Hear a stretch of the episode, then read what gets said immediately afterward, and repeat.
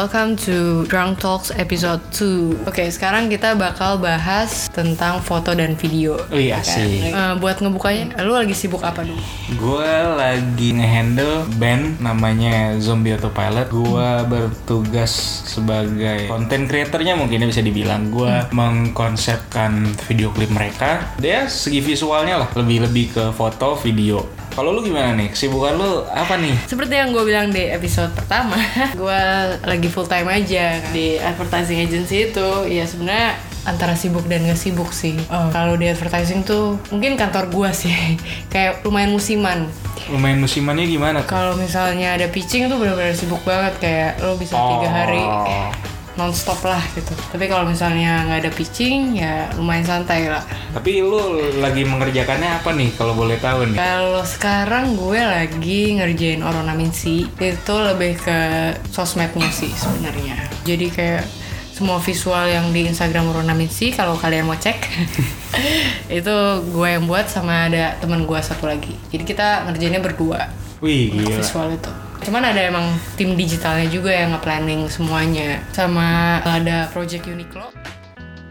Gue pingin bahas fotografi dulu deh. Fotografi itu apa menurut lo? Fotografi itu menurut gua suatu medium buat lo mengekspresikan apa yang lo pikirkan Ah, ah. selain desain dan yang lain-lain. Suatu media lo bisa bercerita ya berarti ya? Kalau menurut lo gimana? Gue setuju dengan omongan lo. Fotografi itu media untuk kita bercerita. Entah itu kita mau menceritakan suatu momen kayak jurnalistik atau lebih ke perasaan lo gitu. Misalkan lo lagi gundah galau gitu kan, foto-fotonya jadi under ya. gitu kan. Iya iya iya. foto-foto jadi gelap terus kontrasnya tinggi gitu wah kayak ini orang kenapa nih lagi Kayak sedih moody gitu ya. iya kan biasa gitu kan atau warna-warna kayak jadi biru gitu kan itu kan Kayak foto menggambarkan juga tuh. Waduh. Coba bisa diceritakan mungkin lagi kenapa ini ibu tapi ya fotografi itu secara tidak langsung menceritakan mood dia saat itu. Kayak misalkan warna biru itu kan lebih ke Sendu. sendu bisa dibilang sendu lagi dingin. Hmm. Lagi lagi banyak pikiran mungkin. Iya iya bisa bisa. sedangkan warna kuning juga lebih kayak warm tone lebih yang ceria santai. Atau bisa buat makanan juga biasanya kalau warm gitu. oh iya benar tuh. Kalau dari segi foto produk tuh makanan rata-rata lebih ke warm ya. Karena emang tone biru sendiri tuh orang eh, secara tidak langsung juga lebih menolak kayaknya Eh, kalau dari lo nih, gimana akhirnya punya passion di fotografi? Itu sebenarnya mulai pas gua kuliah sih. Jadi tuh waktu kuliah kalau ngambil DKV pasti tahun pertama itu masih gambar manual, ya nggak? Iya betul. Nah itu cukup membuat gue desperate juga sih waktu itu Iya. karena gue bisa gambar terus gue kayak anjir Paham tuh gue. gimana nih nah Terus? terus, habis itu pas tahun kedua akhirnya ada mulai pelajaran fotografi ini terus kayak ya udahlah gue salah-salah foto gitu kan mengutarakan apa yang gue rasain dan ternyata uh, dosen gue suka sama foto gue gitu terus kayak dia bilang mungkin gue punya bakat di situ gitu Oh, mendapatkan panggilan ya. Iya, terus gue kayak oh, oh mungkin kali ya gitu. Daripada gue stres gitu kan belajar buat gambar, Iya. yang mendingan gue cobalah buat foto. Dan terus ternyata gue suka, ya udah gue lanjutin sampai sekarang gitu. Kalau lu gimana? Gue mungkin sebenarnya gini, gue sempat mikir apakah gue tuh suka fotografi dari kapan. Kalau gue flashback dari umur-umur gue SD mungkinnya di mana saat bokap gue baru beli itu masih zamannya kamera digital yang pocket tuh, yang paling cuma resolusi 8 megapiksel gitu kan kalah sama HP-HP sekarang. Iya, iya. Coba di saat itu tuh masih berasa tabu gitu kayak wah gila gue megang kamera gue bisa capture the moment nih. Di saat gue megang kamera pertama kali gue langsung suka tuh foto-foto walaupun fotonya masih nggak jelas ya namanya anak SD kan. Tapi eh, pas SMA gue sempet mikir kayak aduh gue kuliah apaan ya? Teman-teman gue nih kayak udah tahu nih jurusan yang mau mereka ambil apa. Rata-rata kayak ekonomi akuntansi hukum Dokter ya dokter. Waduh nggak nyampe otak gue tuh kan. Gue berpikir kayak kayaknya gue mau kuliah fotografi aja deh. Ya. karena coba gue mendalami nah saat gue mendalami dalami gue semakin jatuh cinta. Gue semakin jatuh cinta dengan fotografi dengan segala aspek yang bisa mempercantik suatu gambar. Seiring berjalannya waktu sih jadi menemukan passion gue apalagi proses proses emang gak pernah bohong sih. Proses gue belajar fotografi pertama kali itu gue nggak pernah suka sama editing. Gue benci banget yang namanya editing Gue juga sih. Iya kan. mungkin pertama gue nggak ngerti di saat belajar mungkin gue nggak ngerti. Kedua gue berpikir kayak kalau emang lu jago, lu nggak perlu editing langsung bagus. Iya, karena kalau editing tuh menurut gua kayak jadi palsu aja gitu gak sih? Iya. Tapi ya di saat berjalan lagi gitu, gue belajar lagi, editing itu perlu banget.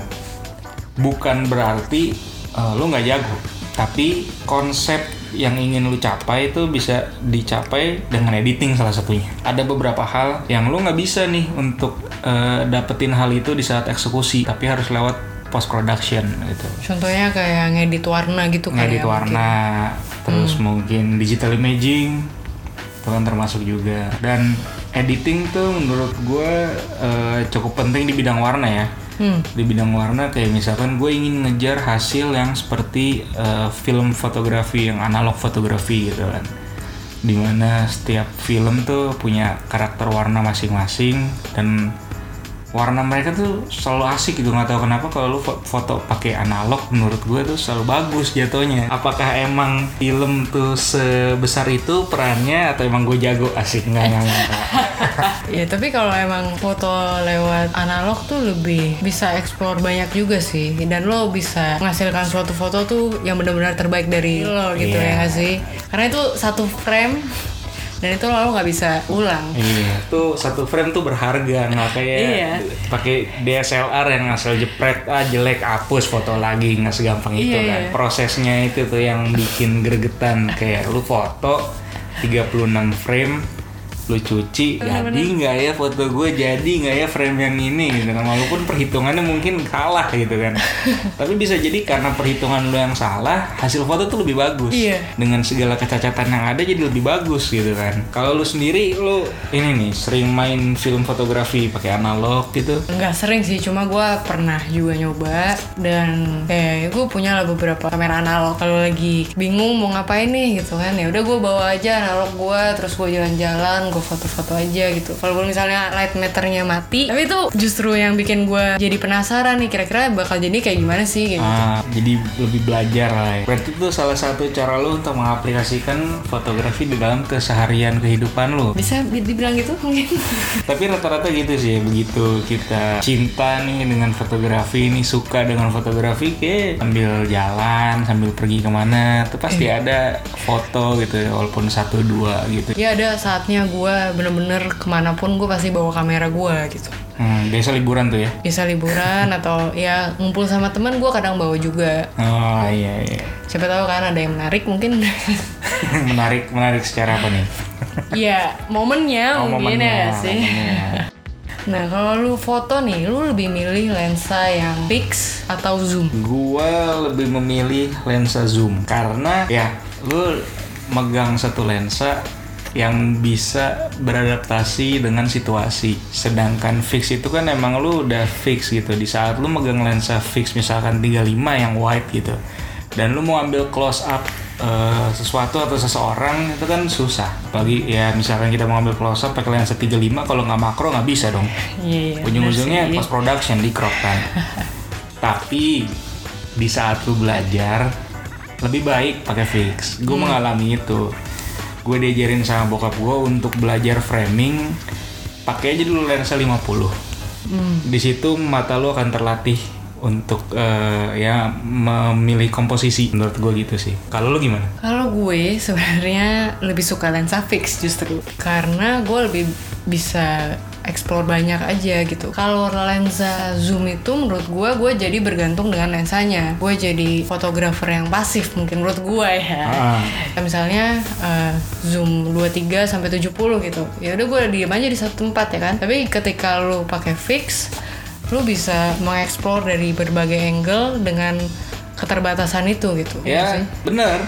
Keunggulan lensa fix yang gue suka sih sebenarnya dari dari diafragmanya dari f-nya. Dia bisa pakai yang diafragma misalkan 18, 14, 12 gitu kan untuk menghasilkan foto yang uh, selektif fokus atau bokeh biar lebih likable kayak orang-orang tuh kalau misalkan foreground main object backgroundnya tuh kelihatan Blur-blur gitu blurnya ya. tuh kayak orang lebih suka kan emang lensa fix sih mendukung banget untuk itu Cuman justru gue kebalikan lu, kalau lu kan bilangnya fix buat belajar. Mm-mm. Kalau gue justru gue belajar dari lensa zoom. Gue menemukan framing kalau misalnya segini nih bagusnya dari jarak sejauh apa kayak gitu-gitu. Nah makanya gue jadi lebih suka di lensa fix habis itunya. Kalau lensa fix tuh lo jadi lebih aktif aja gitu lo untuk mendapatkan suatu hasil lo benar-benar berusaha buat mendapatkan itu dengan berbagai cara misalnya lo tiduran atau lo harus mundur. Oke, iya. Tapi begini nih, misalkan gua pakai lensa fix, Hmm. gue pingin dapetin yang foto yang misalkan distort, sedangkan gue cuma bawa fix 50 gue nggak bisa menghasilkan itu. Iya sih. Ya mungkin bisa dengan dengan Editing. segala cara, iya mungkin editing ya lensa 50 pun sebenarnya bisa juga distort gitu kan, tapi kan Hmm. kayak deket banget sama lensa. Sedangkan kalau gue pakai lensa wide tuh kan langsung dapat efek distortnya ya, tetap gue harus bergerak juga ujung-ujungnya. Iya Jadi bukan berarti lu pakai lensa zoom terus lu kayak oke gue duduk sini, lu semua gaya, gue foto tinggal maju mundurin lensa doang. Kalau menurut gue. Eh, cuma ya kebanyakan fotografer Oh, kalau misalnya udah pakai lensa zoom tuh ya udah gitu dalam dengan posisinya dia aja. iya, tinggal kursi, Iya. Mang, kopi satu, Mang. Ayo Yaudah, silakan gaya gitu ya. Iya. itu biasanya fotografer-fotografer di studio gitu nggak Iya, sih? biasa studio tuh kan kayak udah duduk nih settingan. Udah lo duduk aja dah gitu. Ya, pesen minum kan. Ayo udah satu dua tiga jepret jepret jepret jepret. Oke, Iya. got it. nah, lensa favorit. Kalau menurut lu lensa favorit lu apa? Mungkin karena gue pakai mirrorless ya. Heeh. Itu kan crop kan. Gue suka lensa 35 dan 50. Hmm, berarti sem wide masih rada wide ya 50 ya middle sih. Cuma kalau di mirrorless kan jadinya lumayan zoom sih. 35-nya tuh berarti kurang lebih kayak 50. 50-nya kayak lensa foto oke. 80 kayak Kayak 80-an lah. portrait, portrait. Hmm. Karena menurut gue dengan lensa itu lu bisa menangkap ekspresi orang lebih detail. gitu. Portrait mainnya lebih ke ekspresi. Dulu emang gue suka foto landscape, cuma setelah gue lihat-lihat kayak ya apa sih semua landscape juga ya kayak gitu gitu. Semua Iya. fotografer juga bisa. Eh, tergantung objeknya aja ya. Iya tergantung lo di mana aja nggak sih. Ah, Kalau objeknya bagus mah bagus-bagus aja Iya. gitu kan walaupun lo baru belajar sebenarnya kalau landscape. Berarti style foto lo tuh lebih ke street photography ya? Mungkin bisa potret juga. Portrait juga, oke. Kalau lo gimana nih? Apa lensa favorit lo? Lensa favorit gue mungkin cukup mainstream ya 2470. Eh, kebetulan gue interestnya di fashion photography dan 2470 tuh menurut gue mendukung banget. Di 24-nya lo dapet wide-nya, distortnya segala macam untuk lo eksperimental. Di 70-nya pun juga lo bisa dapat portrait, ekspresi, detail baju segala macam. Menurut gue satu lensa itu tuh udah udah udah paling enak lah bisa mencakup hampir seluruhnya kalau untuk fashion. Iya. Tapi kalau untuk kayak mungkin yang berkebutuhan kayak sports ya sports fotografi misalkan kan rata-rata lebih ke lensa tele yang lensanya udah lebih panjang banget Iya, yang 70 200 sih 1000 biasanya. 200 sih ada yang 300 mili 500 mm buset Iya, gitu itu lensa. berat di lensa sih sebenarnya Iya, nggak sih. pakai mahal di lensa juga sih itu. Iya.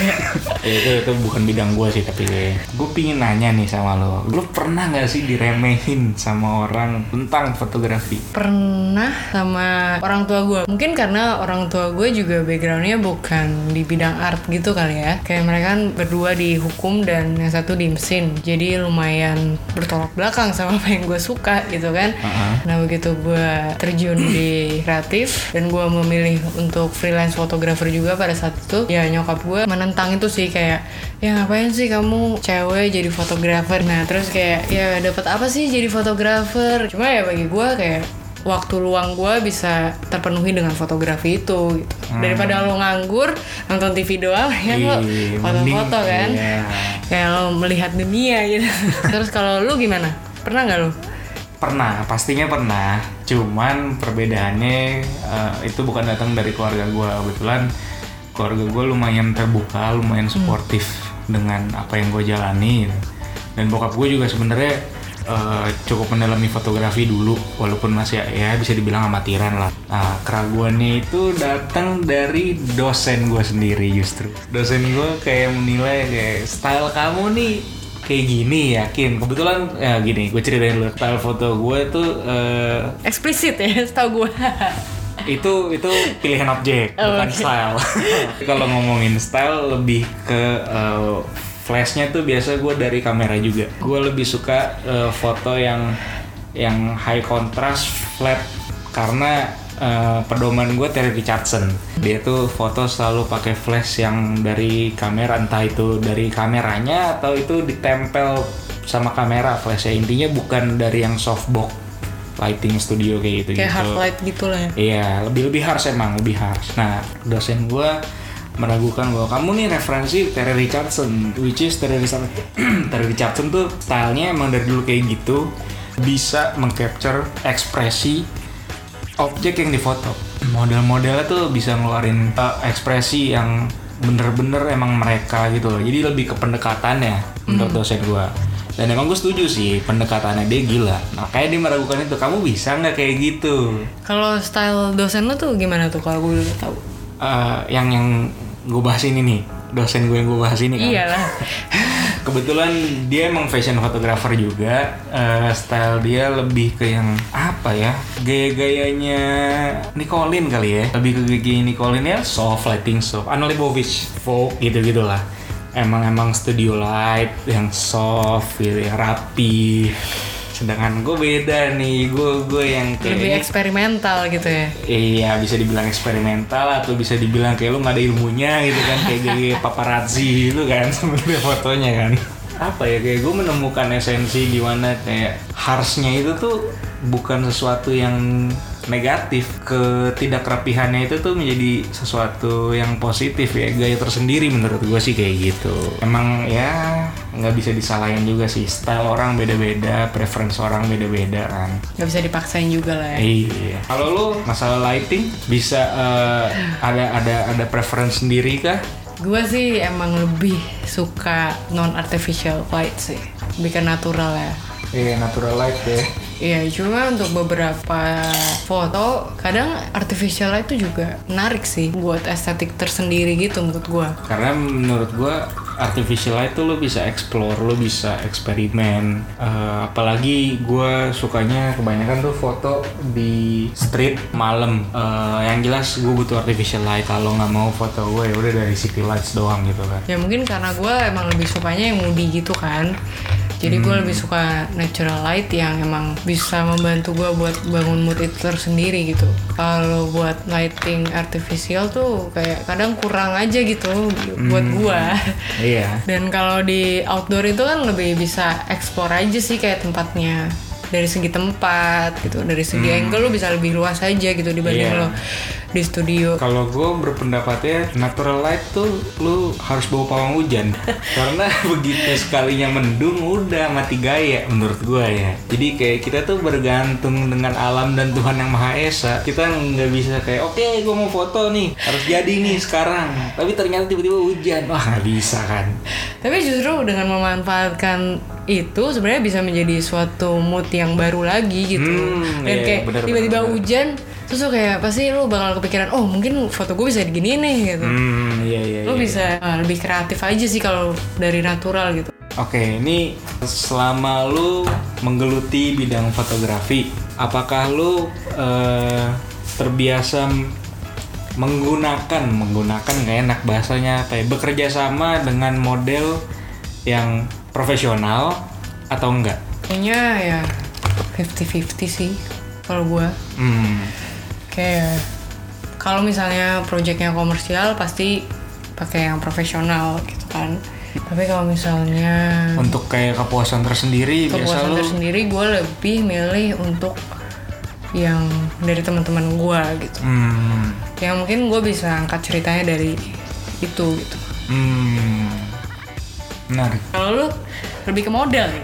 Kalau gue lihat dari Instagram lo yang dulu Iya. dan sekarang Gue lebih sering foto dengan uh, model profesional, tapi di saat gue belajar uh, fotografi di kuliah tuh gue lebih sering justru foto dengan model uh, yang gak profesional model amatir teman-teman sendiri gitu di situ gue menemukan esensinya kalau gimana nih cara ngakalin biar model amatir, model yang nggak profesional nih kelihatannya kayak model profesional dari segi pose gitu kan. Pasti berbeda dong antara profesional dan enggak tuh pasti yang nggak profesional tuh kaku gerakannya, ya posenya kaku, terus posenya itu itu doang karena mungkin yang dia lihat di TV di majalah tuh gitu-gitu doang. Sedangkan model-model profesional tuh kan kayak jam terbangnya udah banyak, pose-posenya lebih cepet, lebih banyak gue cukup menjelaskan uh, kebetulan gue pendekatannya kalau mau photoshoot lebih ke kayak film.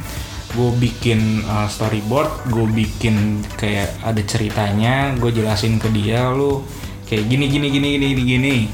Nanti dia gue gue minta lu mendalami karakter itu. Coba lu bayangin lu kayak orang kayak gini. Nah biasanya yang profesional tuh lebih dapat lebih dapat kayak oke okay, mukanya langsung dapet gitu kan. Kayak yeah, yeah. gue mau lu songong gue dapet langsung gitu kan. Sedangkan kalau yang gak profesional kan gimana gitu. Kayak gue mau lu songong padahal dia nggak songong gitu kan. Kayak gimana? Lu nggak songong lu kurang songong. Gimana? Coba lu bisa songong lagi gitu. Nah di situ lu dapetin esensi kayak biar lu bisa bekerja dengan segala bidang sih menurut gue itu pembelajaran. Tapi gue pernah dapat uh, professional models dia justru kurang ekspresif kurang ekspresif. Iya karena dia bilang dia tuh lebih ke runway model gitu oh, awalnya.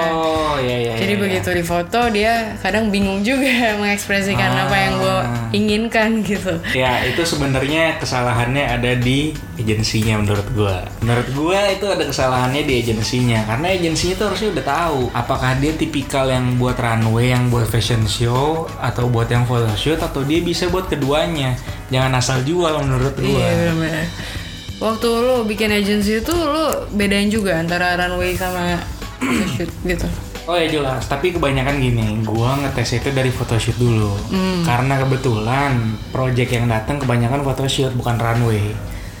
Tapi beberapa ada yang bisa runway. Nah, di situ uh, kita coba untuk latihan aja ya, coba mm. latihan, jalan, dengerin lagu gimana gitu. Kebanyakan ya dari photoshoot sih. Kalau lu sebagai uh, yang punya agensi sama freelancer ada nggak sih bedanya?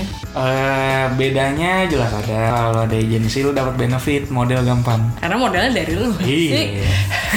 Benefitnya itu. Bedanya menurut gue sih ya oh mungkin selain itu uh, kalau lu dari agensi itu uh, modeling agensi ya, lu lebih terbiasa untuk foto orang mungkin. Kalau freelance mungkin lu bisa foto produk juga. Produk dalam arti produk yang gak ada model, bener-bener yeah. produk doang still life gitu kan. Sedangkan mungkin yang biasa di modeling agency kan kebiasaan dengan foto makhluk hidup. Karena gue sendiri juga untuk foto still life gue kurang banget. Ya gue juga sih. Gue kadang bingung gitu loh cara nge-style produk gitu. iya. Produk nggak bisa hidup kan? Ah, ah. kalau misalkan foto model kan enak coba geser sedikit iya. gitu kan. Ini dongak dikit gitu ya. Coba produk geser nggak bisa. Kita yang iya. geser kan geser dikit framing lagi wah kurang. Jalan lagi puter dikit wah kurang gitu aja iya, terus. gitu kalau misalnya cara styling kita sama klien beda. Tuh lumayan kacau sih antara demand klien dengan yang kita suka ya. Ya di situlah mental komersial sebagai fotografer kita diuji gitu kan makanya ada bedanya antara yang komersial fotografer dengan yang uh, fine art. fine art mungkin atau yang uh, hobis bisa dibilang juga berbeda sih menurut gue nah terus uh, gue mau membahas sedikit soal industri fotografi. Kalau dari perspektif gue yang freelance nih fotografi zaman sekarang makin susah untuk bersaing karena banyak orang-orang yang hobi sikat job dengan harga yang murah banget. Oh iya bener banget tuh. Demi kepuasan mereka. Sedangkan kita yang bener-bener belajar atau nggak usah yang belajar deh, yang bener-bener invest mau jadi profesional dengan segala macam alat yang yeah, kita yeah. punya, kita nggak bisa bersaing dengan harga yang itu kan. Menurut lu gimana tuh? Ya itu gue pernah sih kayak punya pengalaman kayak gitu. Kayak ada yang nawarin gue job, terus gue kasih harga dengan harga profesional gitu kan Heeh. cuman abis itu akhirnya gue nggak dapet gara-gara ada vendor yang harganya Jauh banget jauh ya. banget kayak ngerusak pasar banget Ih, gitu Parah, ngerusak pasar gue nggak tahu sih mereka tuh ngitungnya dari mana gitu ya nggak sih Iya. kayak dari segi alat aja pasti kan udah mahal Ah. kalau lu pasang harga dengan harga serendah itu apa kalau balik modal gitu nggak sih kasarnya Nah. kayak gitu Itulah permasalahannya. Hobi tuh nggak perlu balik modal. Tapi kan dia mendaftar secara profesional gitu Tapi- dengan dia mengambil freelance berarti dia ingin menseriusi Iya, itu tapi mereka tuh eh, menyiasatinya dengan hari Senin sampai Jumat kerja kantoran. Jadi sebenarnya mereka nggak butuh uang untuk menghasilkan di fotografi gitu. Hmm. Mereka cuman ini hobi gua, lo mau bayar ya udah gitu. Gua nggak menyalahkan mereka yang hobi fotografi untuk ngambil job gitu. Gua nggak menyalahkan. Gue menyalahkan mindset klien. Mereka mau harga serendah-rendahnya, hasil semaksimal-maksimalnya. Itu kan nggak mungkin gitu loh. Kayak Ada bahkan- harga ada barang kan. bahkan tuh klien yang lumayan ya terkenal lah gitu Mm. kayak tetap aja gitu lebih mentingin harga dibanding kualitas gitu Nah itu loh. Iya gue kadang bingung aja sih apakah harga itu akan mengalahkan kualitas Nah ya kalau menurut lo gimana nih menurut gua sih kalau dari gua kualitas tuh nomor satu. Dari perspektif gua kualitas nomor satu. Karena begini di saat eh, ini ini gua mendengar cerita doang nih ya. Di saat klien bayar fotografer murah terus hasilnya jelek atau nggak maksimal, klien ngomel marah-marah. Lah kan mereka bayarnya murah. Kok nuntutnya banyak? Nah, Itulah itu. klien. iya, kalau mau hasil maksimal, lu bayar gua dengan fee segini, hasil maksimal lu mau revisi, oke gitu loh. Ya lu udah bayar segini, lu mau minta apa revisi apa, lu mau minta fotonya objeknya terbang atau dari drone apa itu oke gitu loh. Itu kan ada perhitungannya. Sedangkan kalau lu mau bayar murah tapi hasilnya mau kayak di majalah di apa, eh jangan harap lah bos. Itu beda. Iya kan Iya. manusia juga butuh uang kan buat Iya. hidup Ini buat kita kerja aja alatnya udah mahal nih. kan? Bukan cuman beli panci sama kompor. Iya, terus kita foto nggak sekedar foto doang, kita Iya. punya konsep gitu kan. Mau bayar murah kita foto pakai HP klien nggak terima. Padahal HP juga bagus. Iya. Serba salah kan makanya. Tapi terlepas dari fotografi nih, videografi tuh lu ngejalanin juga nggak? Gue nggak terlalu ngejalanin, cuma gue mencoba karena gue melihat lebih banyak video sekarang ini gitu. Iya, untuk sekarang ini lebih banyak ke video ya Hmm. klien-klien. Karena kan dengan lo membuat video, mungkin uh, pesan yang lo sampaikan akan lebih diterima oleh audiens gitu. Kalau fotografi kan lebih ke perspektif kita masing-masing aja gitu kan. Iya. Tapi kalau video kan lebih ada story-nya dan lo bisa menyampaikan pesan dari brand atau pesan dari diri lo sendiri yang mungkin nanti bisa relate sama audiensnya. Terus audiensnya juga bisa share lagi ke orang-orang lain gitu. Hmm. Nah kalau lo sendiri lo kan uh, lulusan film nih. Nah, gue lulusannya fotografi. Gue sempet pelajarin videografi di kampus lain lah, tapi nggak lulus. sempet belajar aja, bukan bukan expert gitu kan. Tapi lo sempet ngambil job-job video atau lo sempet ngebuat video gitu nggak? Ah sempet, gue yang ah, sempet gue bilang tadi, gue lagi menggarap video klip dari band namanya Zombie Autopilot itu. Gue mencoba menggarap video klipnya. Untuk video klip yang pertama, gue uh, one man show pakai HP gitu kan karena ya kita mencoba untuk budget dengan minim hasil semaksimal mungkin lah sebisanya. Uh, untuk video kedua mungkin nanti bisa dilihat. Nah, ini produksinya agak berbeda. Itu Ya, sendiri juga tapi. Enggak, itu itu ada tim. Itu Oh, ada tim. itu kerjasama dengan ada eh, PH lah. Gua gua sebagai eh, apa ya bisa dibilang? Konseptor. Eh, konseptor nggak juga. Mungkin lebih ke gua nggak ngerti antara produser, director atau konsultan ya itulah. Iya, karena emang emang gua dengan ada satu lagi dari orang PH itu ya kita kita rembukan bareng untuk dari konsep, lokasi, lighting, prop segala macam gitu-gitu kita rembukan. Jadi gua nggak mau ngambil kredit sendiri lah intinya. Tapi ya gua cukup tertarik dengan video eh, saat ini. Karena fotografi menurut gua tuh mentok di situ-situ aja. Emang turunan fotografi adalah ke video gambar yang bergerak. Ya videografi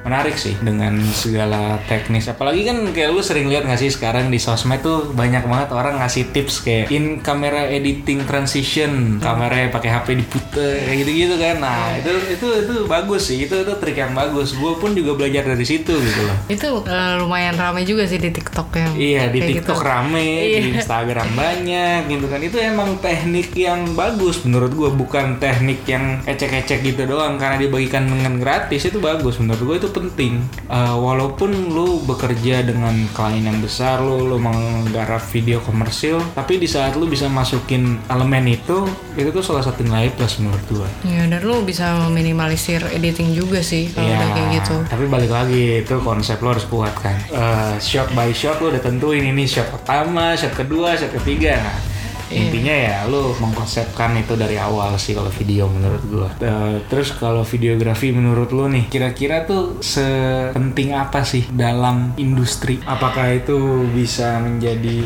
satu-satunya media untuk beriklan atau tetap masih ada unsur fotografi juga yang bisa mengalahkan videografi dalam industri komersial ini? Sebenarnya videografi kalau di industri kreatif itu bisa membantu lo storytelling. lo bisa menyampaikan pesan brand dengan value yang mereka punya juga gitu. Hmm, Nggak sekedar dalam satu frame doang, tapi lo benar-benar bisa menyentuh audiens juga dan audiens juga bisa tertarik dengan video itu gitu. Berarti videografi ini bisa memusnahkan fotografi dong di industri komersial kalau kayak gitu. Emang di komersial pasti lebih bakal ngutamain video dibanding fotografi gitu kecuali ya di sosmed. Di sosmed mungkin memang masih banyak lah yang pakai foto foto doang gitu kayak misalnya makanan gitu kan. Ah, tapi itu lebih ke Instagram dan Facebook. TikTok udah enggak. TikTok udah enggak. TikTok masih video. segala video gitu kan walaupun durasinya pendek. iya, tapi dengan video lo bisa mengedukasi orang-orang. Nah, itu TikTok banget tuh ya. Iya. Entah dari joget apa tips and trick gitu kan. Tapi turunan dari video nih, gue mau bahas film. Film nih eh, suatu project yang mustahil dikerjakan oleh satu orang doang. Pasti timnya tuh banyak deh, lebih dari lima orang, lebih dari 10 orang. Kalau film lu udah pernah ngerjain belum? Enggak sih, gue sejauh ini belum. Tapi lu pengen nggak masuk ke industri itu? Mencoba aja. Kalau misalkan lu pengen, kira-kira job desk apa yang lu pengen? Hmm, kalau film gue pengen jadi direkturnya sih sebenarnya. Director. Karena gue lebih pengen ngekonsep suatu film dibanding gue yang memproduksi. Karena kalau dari gue, gue lebih suka uh, proses konseptingnya dibanding produksinya itu sendiri. Kalau lu? Gue lumayan apa ya? Gue ingin menjadi produser, director, dan DOP. Nah semuanya, kayaknya banyak. Sekaligus. Karena gini menurut gue di saat director udah mengkonsepkan nih, bret, DOP, wah ini bagusnya gini gini gini gini gini. Kayak enggak deh.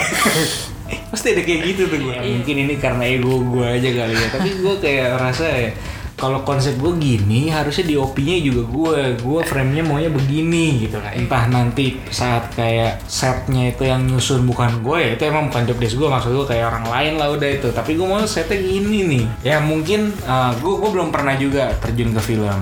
Jadi mungkin apa yang gue omongin ini nggak relevan. Tapi kalau yang gue mau gue kayak gitu. Di sisi produser juga kayak menurut gue seru. Karena produser itu kan dengan budget yang ada, lu harus memenuhi keinginan director. Dengan budget segini, director mau kayak gini, oke solusinya kayak gini. Nah itu menurut gue juga menarik. Lu harus bisa mencari solusi yang Direkturnya mau, ah, mencari jalan tengah. Karena gue terbiasa selama ini bekerja seperti itu kayak budget klien segini, yang klien mau segini. Ya Udah gue cari jalan tengah.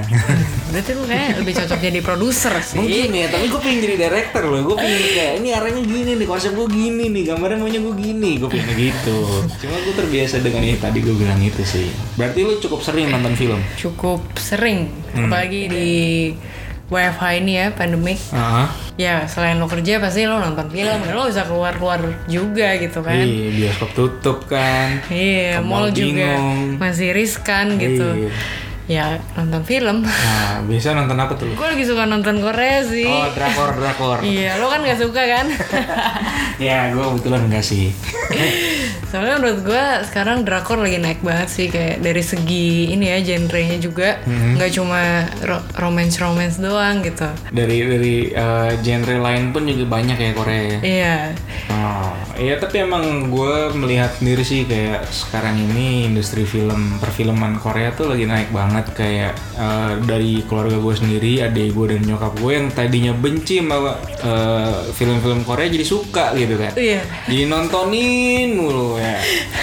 Sampai bokap gue juga ikutan nonton. Iya, bokap gue juga jadi ikutan nonton sih. Iya jadi ikutan nonton kayak ini siapa ini apa gitu. wah gila keluarga gue nonton semua gue nggak masih nggak demen nih kan Makanya nyokap gue aja lebih milih film Korea karena aktornya ganteng ah sama kayak nyokap gue dan adik gue tuh aktornya ganteng gitu kan.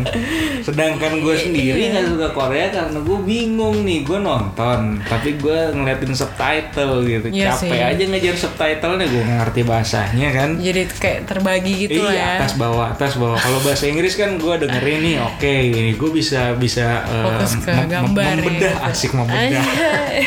Gue bisa fokus ke gambar kayak oh ini lightingnya gini dia pengambilannya gini editingnya gini gue bisa menganalisa lah kasarannya gitu terus kalau genre eh, film yang lu paling suka apa yang lu paling suka nonton di genre filmnya apa Gue sukanya misteri, mungkin kayak detektif-detektif gitu.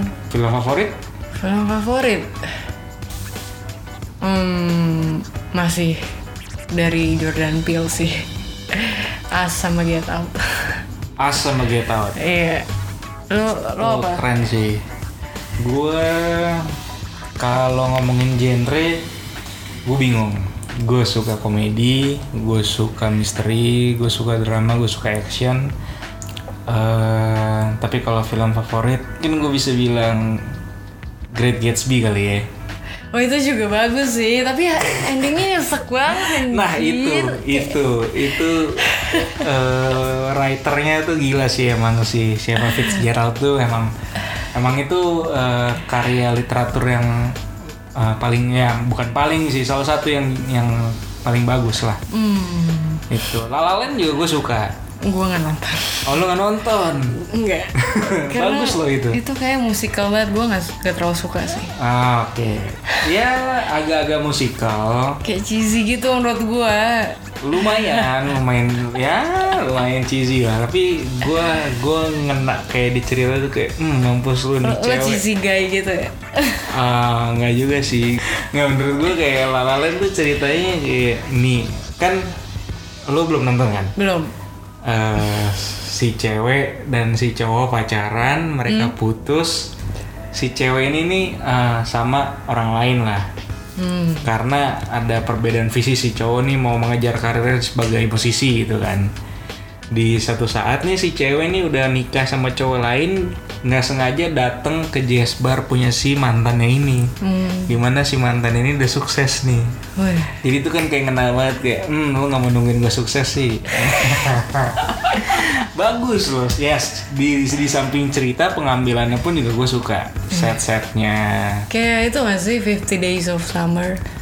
500 days Oh ya 500 Days. 500 Iya, bener-bener. Days of Summer ya tapi kalau itu lebih jauh ke Itu kayak PHP gitu. itu itu ya ya tergantung juga sih PHP ya. dari sudut pandang mana gak sih? tapi kalau si Summer cewek ya si Summer ya agak-agak ini sih agak-agak tai sih ya gue nggak tahu Tapi mungkin gue suka banget sih sama soundtracknya. Oh 500 iya, Days itu. 500 Days of Summer lagu-lagunya asik sih. Emang Iya. itu kayak film indie dan lagu-lagunya pun juga lagu-lagu indie gitu kan. Ya main juga lumayan indie gitu Iya, kan. Iya, scene indie, Zoe di Chanel.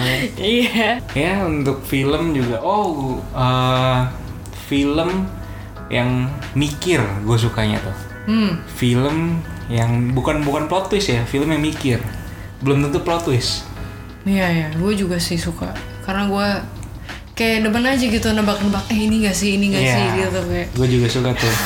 Nih, nih, kayak gini. Jadi tegang kayak sendiri gini. gitu. Ah, begitu bener yang itu, yes. Iya benar-benar Nah, kayak ada it- kepuasan sendiri iya. gitu kan. Itu ada teorinya. Waktu gue kuliah film tuh ada teorinya di mana skenario kalau dibuat sesuai dengan keinginan penonton pasti filmnya laku. Hmm. Biasanya gitu.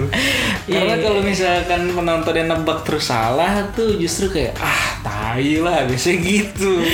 Nah itu gue merasakan itu di drakor sih sebenarnya. oh iya ya gitu ya. Nah, Iya kayak seriesnya gitu kan terus kayak orang-orang banyak yang bikin teori-teori sendiri ah, terus yang gue nggak tahu sih kayak produsernya mungkin lihat atau direkturnya lihat terus kayak kadang-kadang tuh yang diteoriin netizen netizen tuh beneran terjadi gitu iya bisa bisa benar terjadi. Iya. Iya, apalagi pas mereka review kan selalu bilang kalau misalnya ini nggak terjadi, audiens bakal marah gitu-gitu kan. Ngancem itu ya. iya kan ya. Ngancem itu ya. Iya. Ya menarik sih film. Oke, mungkin eh, sekian dulu untuk episode kali ini. Ya. Eh, sampai jumpa lagi di Drunk Talk selanjutnya. Oke. Sampai jumpa guys. Iya, see you guys.